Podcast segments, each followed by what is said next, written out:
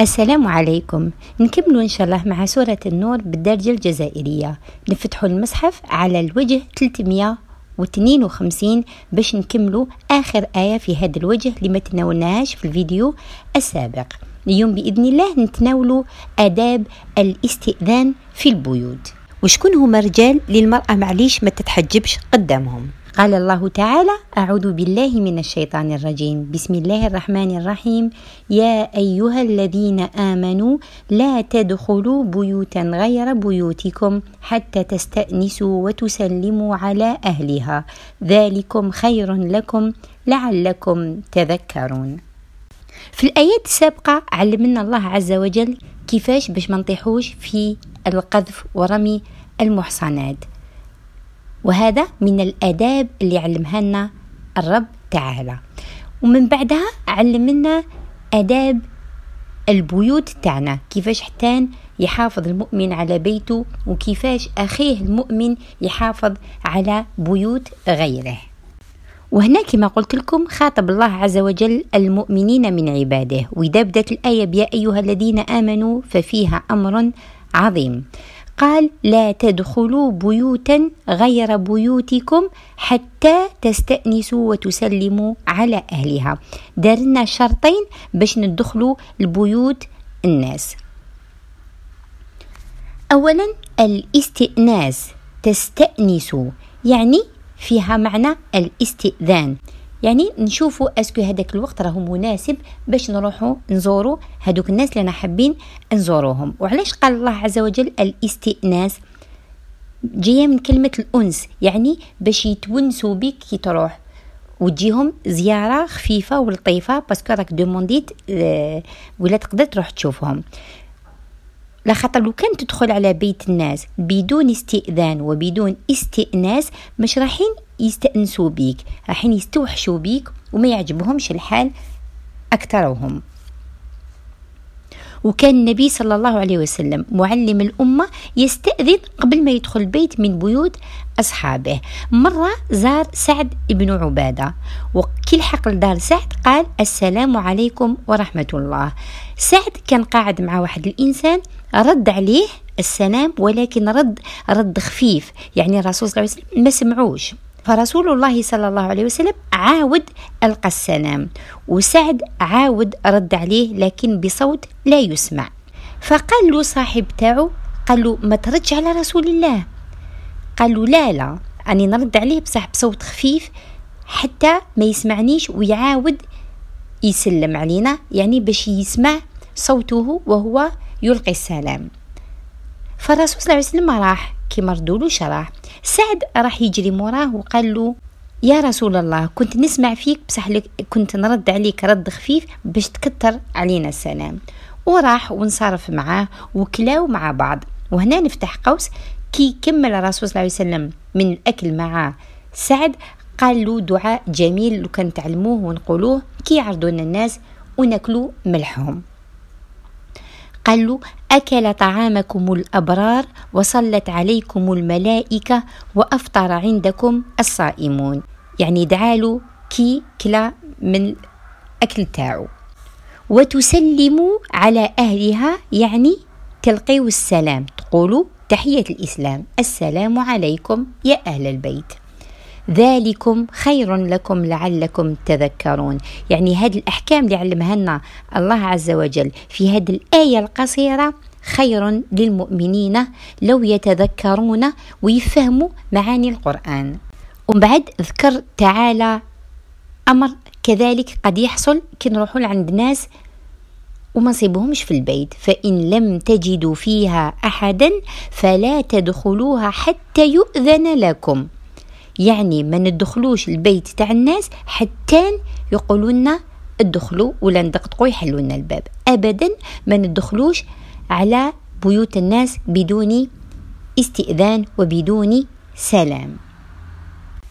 فالإسلام حفظ لنا البيوت تاعنا. كي ما نكونوش حاضرين كذلك. يمنع من دخولها إذا كان مول الدار ما كان شو حتى ولا كانت الباب محلولة ومشرعة ما يجوز لكش تدخل البيت هذاك donc أهل البيت ما راهمش في هذاك المكان. وإن قيل لكم ارجعوا فارجعوا هو أزكى لكم والله بما تعملون عليم شكون منا راهو يقبل إذا طلب من إنسان يروح ليه في داره وهذاك الإنسان قالوا اليوم ما نقدرش نستقبلك ما يزعفش. كامل نزعفو. الوغ كو في القرآن قالنا الله عز وجل ولا قال لكم ولد الدار. ما نقدرش نستقبلكم اليوم ما نقدرش نهدر معاكم اليوم. راني عيان راني مريض عندي شغل راني خارج. ما يلزمش تزعفوا فرجعوا. يعني ما تروحوش لهذاك المكان. ولا حتى وين وصلتوا وقال لكم سمحوا لي راني خارج. ما فيها حتى بأس. يعني نعود نروحوا وهو أزكى لكم. يعني هو أطهر لكم. راح يطهر النفوس ولازم نتلقوها بصدر رحب. ما فيها والو ولا خويا رحت ليه؟ وقال لي اليوم والله ما نقدر نستقبلك. عندي أمر طارئ. عندي حاجة مع زوجة تاعي نروح نفريها. عندي مشكل. عندي راني عيان راسي يوجع. ولا ما تقدريش تجي اليوم روحي غدوة. ما فيها حتى مشكل. لازم ندو الأجر من هذه الناحية. يعني ولا قالنا إنسان ما نقدرش نستقبلك اليوم وأنت تلقيت هذاك الأمر بدون آه يعني بلا ما تزعف وتديها من جهة طهارة نفس هذا راهو في ميزان حسناتك. والله بما تعملون عليم الله عز وجل على بالو كامل واش رانا نديرو واش كاين في قلبنا وكلش. وما نلحوش في طلب زيارة. يعني ما نقدرش نقول له راني جاي يقول لك ما نقدرش تعاود تقول له راني جاي هذا خطأ. ولا حتى دوكا نشوفوها بزاف les téléphones. يعني تعيط الإنسان ما يرفدلكش راهو من بعد هو يشوف هذاك l'appel ويعاود لك. c'est pas la peine تقعد تنسيستي في التليفون alors هذاك الإنسان ممكن راهو راقد ممكن راسه يوجع ممكن في هذيك الأثناء اللي انت عيط له فيها كاين مشكل في الدار بينه وبين أولاد بينه وبين الزوجه يعني راهو مشغول. فلا تلح في الطلب. الإنسان هذاك كيشوف لابيل تاعك يعاود لك ولا الإنسان تاعك يشوف الميساج ديالك يعاود لك. فلا نلح في طلب الزيارة. من بعدها زاد ذكر الله تعالى أمر آخر حتى يكون ملم بكاع حالات الإنسان اللي يمر بها في حياته. قال ليس عليكم جناح أن تدخلوا بيوتا غير مسكونة فيها متاع لكم. والله يعلم ما تبدون وما تكتمون. ولا لاحظنا حتى في الآيات اللي مرت علينا يذكر الله عز وجل بزاف العلم ديالو خاصة في هذه الأمور الاجتماعية. يقول الله عز وجل والله يعلم وأنتم لا تعلمون والله سميع عليم والله بما تعملون عليم والله يعلم ما تبدون وما تكتمون لأن هذه أمور حساسة بين الناس. والله عز وجل يعلم علاش دار هذا الحكم وعلاش دار هذا التشريع.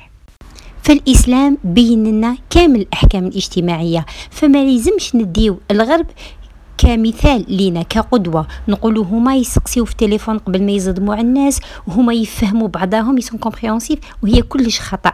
الأحكام اللي دارها الله عز وجل قبل عدة قرون هما الآن وين راهم يطبقوا فيها. وحنا الحمد لله نعرفوها من ديننا الإسلام. والبيوت غير المسكونة التي فيها متاع لكم يعني فيها دوزانكم. هي مثلا أننا كي نكريو دار نكريوها هي غير مسكونة ما فيهاش أهل بيت بصح فيها دوزاننا يعني لا حرج. كاين بزاف الناس خاصة في القديم كانوا مثلا يجدون بيوت غير مسكونة في الطريق وهما عابري سبيل. لا حرج في أنهم يباتوا هذيك الليلة آه، في هذيك البيت لأنها ما عندهاش أهل. آه، كما هو الحال دوكا في حياتنا المعاصرة. لي زوتيل. كيف كيف بكري كانوا بيوت هكذا في في الطريق إنسان يحبس يبات فيها ما كانش آه، مشكل. قلنا كما بيوت الكراء كما الفنادق كما الحوانت هي بيوت غير مسكونة. فيها متاع لكم فيها أمر تقتنيوا منه حاجة ولا آه، تباتوا فيها ولا تجوزوا فيها أيامات فلا ضرر في ذلك. وقلنا ذكر الله عز وجل هذا الأمر بالذات لخطر في القديم كان بيوت غير مسكونة في الطريق. والله يعلم ما تبدون وما تكتمون. الله عز وجل دائما يذكرنا بالعلم ديالو بلي على بالو وعلاش دار هذه الأمور كامل في هذه الحالات الاجتماعية. فالله عز وجل علم عباده أداب البيوت باش ما نكشفوش سرائر الناس وعوراتهم.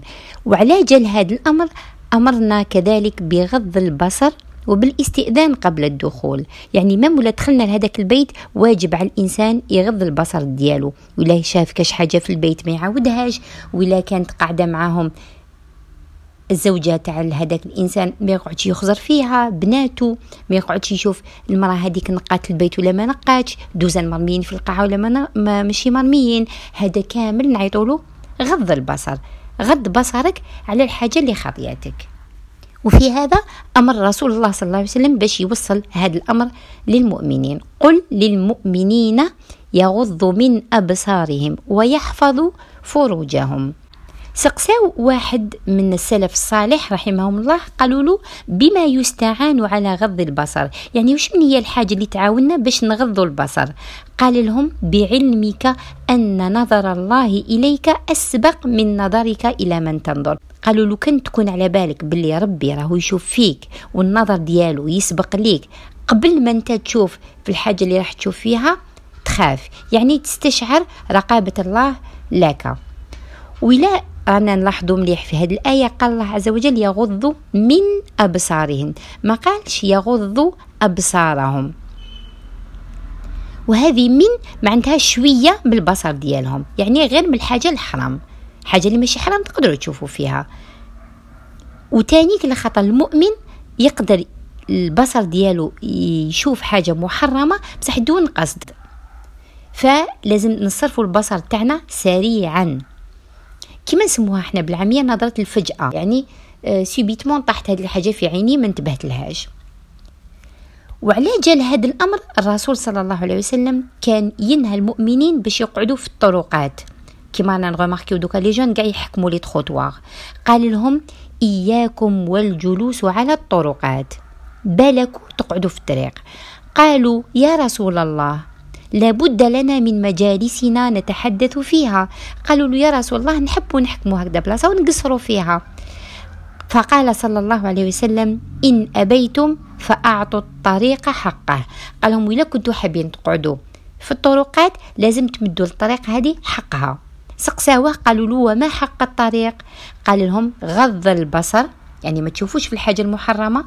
الناس يجوزوا عليكم قضاو ما قضاوش آه، مرة جايزة عليكم تغضوا البصر. كف الأذى ما تأذيو حتى واحد. ورد السلام اللي يجوز عليك رد له السلام والأمر بالمعروف والنهي عن المنكر. الله عز وجل دار شروط للناس اللي هم قاعدين في الطرقات اللي يحبوا يقصروا فيها. ومن الأحسن ما يقعدوش في الطرقات. هذا بالنسبة للغض البصر. فكما يقال من حفظ بصره أورثه الله نورا في بصيرته. يعني الله عز وجل اللي يحفظ البصر تاعو من الحرام يعطي له نور في البصيرة ديالو في العقل ديالو. ثم قال ويحفظ فروجهم. أي ما يطيحوش في الزنا والعياذ بالله. ذلك أزكى لهم. خاطر يهدر مع الرسول صلى الله عليه وسلم ويقولوا قل للمؤمنين. يعني أزكى لهم يعني أطهر تكون نفوسهم طاهرة من الذنوب والآثام. إن الله خبير بما يصنعون. الله عز وجل على بال واش راهم يديروا. وهنا ما قاش بما يعملون بما يفعلون قال بما يصنعون. لخاطر هذه الكلمة ولا هذا الفعل في القرآن بمعنى آه، حاجة سبيسيال حاجة خاصة صنع. العمل حاجة عامة. الفعل حاجة أعم. يعني الفعل حتى من الحيوان عنده فعل. ولكن العمل عمل الإنسان عادة. والصنع هو الحاجة اللي نديروها عن قصد. مثلا النظر إلى المحرم هذا درته عن قصد. أه وقعت في الزنا هذا درته عن قصد. هذا صنع الإنسان. فالله خبير بما يصنعون.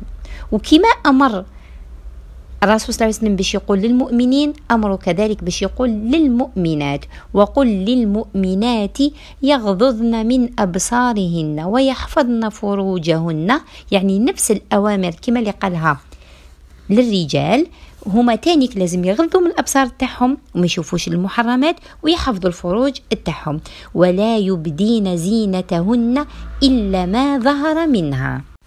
بصح مع المرأة زاد أمور أخرى. فقال ولا يبدين زينتهن إلا ما ظهر منها. وهذا باش يميزها على نساء الجاهلية والمشركات عموما. رفع الشأن ديالها بالستر والحشمة. فالله عز وجل لما عاقب آدم وأمنا حواء أبدى عورتهما. فما نظهروش الزينة تاعنا للأجانب إلا ما ظهر منها وقيل أنهما الكفين والوجه يعني اليدين والوجه فقط. ثم قال وليضربن بخمرهن على جيوبهن. وشن هو الخمر؟ هو جمع خمار. خمار الجمع تاعو خمر كما نقول كتاب كتب. وهو ما يستر الرأس. على بالنا بلي الخمار هو يستر الرأس. فهذه الكلمة منها لجات كلمة الخمر وهو ما يستر العقل لأن الخمار يستر الرأس. وليضربن بخمرهن على جيوبهن. وليضربن معناتها وليشددن. يعني تشدوا بإحكام الخمار ديالها. ماشي ترميه منا ومنا. وجيوبهن هو فتحة الصدر. الجيب هو فتحة الصدر. إذا قالهم يشدوا مليح خمارهم ويغطيو آه، فتحة الصدر. ولا يبدين زينتهن إلا وذكر شكون اللي تقدر المرأة تبدي زينتها قدامه ولكن في حدود الشرع يعني من غير تبرج وعري. ماشي يجي خالك للدار على بالك بلي هو محرم ديالك تروحي تلبسي قدامه حاجة عريانة بزاف ولا خوك ولا فيها أمور هذه فيها العفة والستر والتربية والأخلاق. يجوز لك تظهري زينتك قدام اللي تكرهم الله عز وجل في الآية ولكن بدون حاجة يعني تجاوز الحد. قال في المرتبة الأولى إلا لبعولتهن أزواجهم فالزينة جعلت لهم. انتي تسقمي روحك وتشبحي روحك أكيد للزوج ديالك. في المرتبة الثانية أو آبائهن. باباك ومعه آبائهن يدخل الأجداد والأعمام والأخوال. هادو كامل درهم الله عز وجل في مرتبة الآباء. كما جاء في سورة البقرة كي سقسى يعقوب عليه السلام الأولاد ديالو قال لهم ما تعبدون من بعدي قالوا له نعبد إلهك وإله آبائك. ومن بعد شكون ذكروا؟ من الآباء ذكروا إبراهيم اللي هو جدو إسماعيل اللي هو عمو عم باباهم وإسحاق اللي هو جدهم المباشر يعني بابات باباهم. فكي قالوا الآباء ذكروا جدهم إسحاق وذكروا خو جدهم إسماعيل وذكروا جدهم الكبير إبراهيم. إذا الأعمام والأخوال والأجداد يدخلوا كامل في مرتبة الآباء عملا بهذه الآية. جدك عمك وخالك هذو مرتبة الآباء. أو آباء بعولتهن. بابات الزوج ديالك. إلا إذا خافت منه الفتنة لسبب ما. أنت على بالك بلي فيه حاجة غير مضبوطة ف تجبدي روحك ما تبينيش زينه ديالك قدامه. اذا أباء الأزواج ويدخلوا فيهم كذلك أجداد الأزواج. ماشي أعمامهم وأخوالهم أجدادهم فقط. أو أبنائهن أكيد ولادك. أو أبناء بعولتهن. يعني ولاد الزوج ديالك والأحفاد ديالو الا كان عنده قبل ما يتزوج بيك أو إخوانهن الإخوة أو بني إخوانهن ولاد خوتك أو بني أخواتهن بنات خواتاتك أو نسائهن. يعني تقدري تبيني زينة ديالك للمسلمة دون الكافرة. الكافرة ما يجوز لكش تبيني زينة تاعك قدامها إلا إذا كان من باب الامتهان. يعني رحتي عن طبيبة مثلا. أو ما ملكت أيمانهن. يعني إذا كان الرجل بكري كان عبدا لسيدة ما تحتاجبش قدامه لكن هذا الأمر غير وارد في حياتنا اليومية. أو التابعين غير أولي الإربة من الرجال. التابعين؟ يعني يكونوا تابعين لإنسان آخر. يكون مثلا ضعيف ذهنيا أو ضعيف جسديا. نقول مثلا شيخ هارم لا شهوة له في النساء. ولا مثلا ان جون بصح يكون مسكين آه، مختل عقليا. هذا راهو تابع لإنسان آخر فيجوز لك ما تحتجبيش قدامه. على بها قال الله عز وجل غير أولي الإربة والإربة هي الحاجة. كما قال موسى عليه السلام ولي فيها مآرب أخرى. يعني العصا ديالي نسحقها في حاجات أخرى.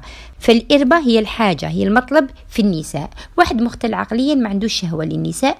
واحد شيخ هارم يعني آه، فيه كل الأمراض أكيد ماش حتكون عنده شهوة للنساء. ربما يكون عنده حتى مع عقله ما راهوش آه توب أو الطفل الذين لم يظهروا على عورات النساء. أي الطفل الصغير ما يميزش ولا ما يعرفش وش معناتها عورة نساء يكون صغير. وكل واحد يعرف الطفل ديالو ولا الطفل اللي هو يشوف فيه أسكو دخلت له الحيلة ولا لا لا. ولا يضربن بأرجلهن ليعلم ما يخفين من زينتهن. كيما الخلخال اللي يديروه النساء ولا هادوك لي بغاسلي كيما يشبهوا البغاسلي هما يديروهم في, في الرجلين في المعصم. هذا حرام باسكو يثير انتباه الرجال. ومن هذا الحكم حكم إخفاء زينة الرجل استنبط طائفة من العلماء حكم وجوب تغطية وجه المرأة. خاطر بزاف من العلماء ذهبوا إلى جواز كشف وجه المرأة. ولكن بعض العلماء قالوا باللي puisque الله عز وجل قال ما تبينوش الزينة تاع الرجل فإذا نغطيو الزينة تاع الرجل فما بالك بالوجه. فقالوا باللي واجب على المرأة تغطي الوجه ديالها. وهذا فيه اختلاف بين العلماء. وحتى ب les talons اللي يلبسوهم النساء داخلة في هاد زينة الأرجل حتى في ال vernis في الأرجل حتى آه، صباط يكون مثلا مكشوف بزاف les sandales فيهم العقاشيتو تاني كانوا يدخلوا في زينة الأرجل. وتوبوا إلى الله جميعا أيها المؤمنون لعلكم تفلحون. على خطر قد يحدث من إنسان تقصير في هذا الأمر. في التحجب وفي إظهار الزينة وفي غض البصر إلى غير ذلك. فالله عز وجل أمرنا بالتوبة إليه جميعا. واجب علينا نتوب كل يوم إلى الله تعالى. وباب التوبة الحمد لله مفتوح للجميع. كما يقول التوبة هي وظيفة العمر. تعيش من أجل التوبة. المؤمن غير معصوم من الخطأ. يقدر يزل يذنب يستغفر الله في كل وهلة. عسى الله أن يتوب عليه. قال صلى الله عليه وسلم والله إني لأستغفر الله وأتوب وأتوب إليه في اليوم أكثر من سبعين مرة. أستغفر الله وأتوب إليه. والسلام عليكم.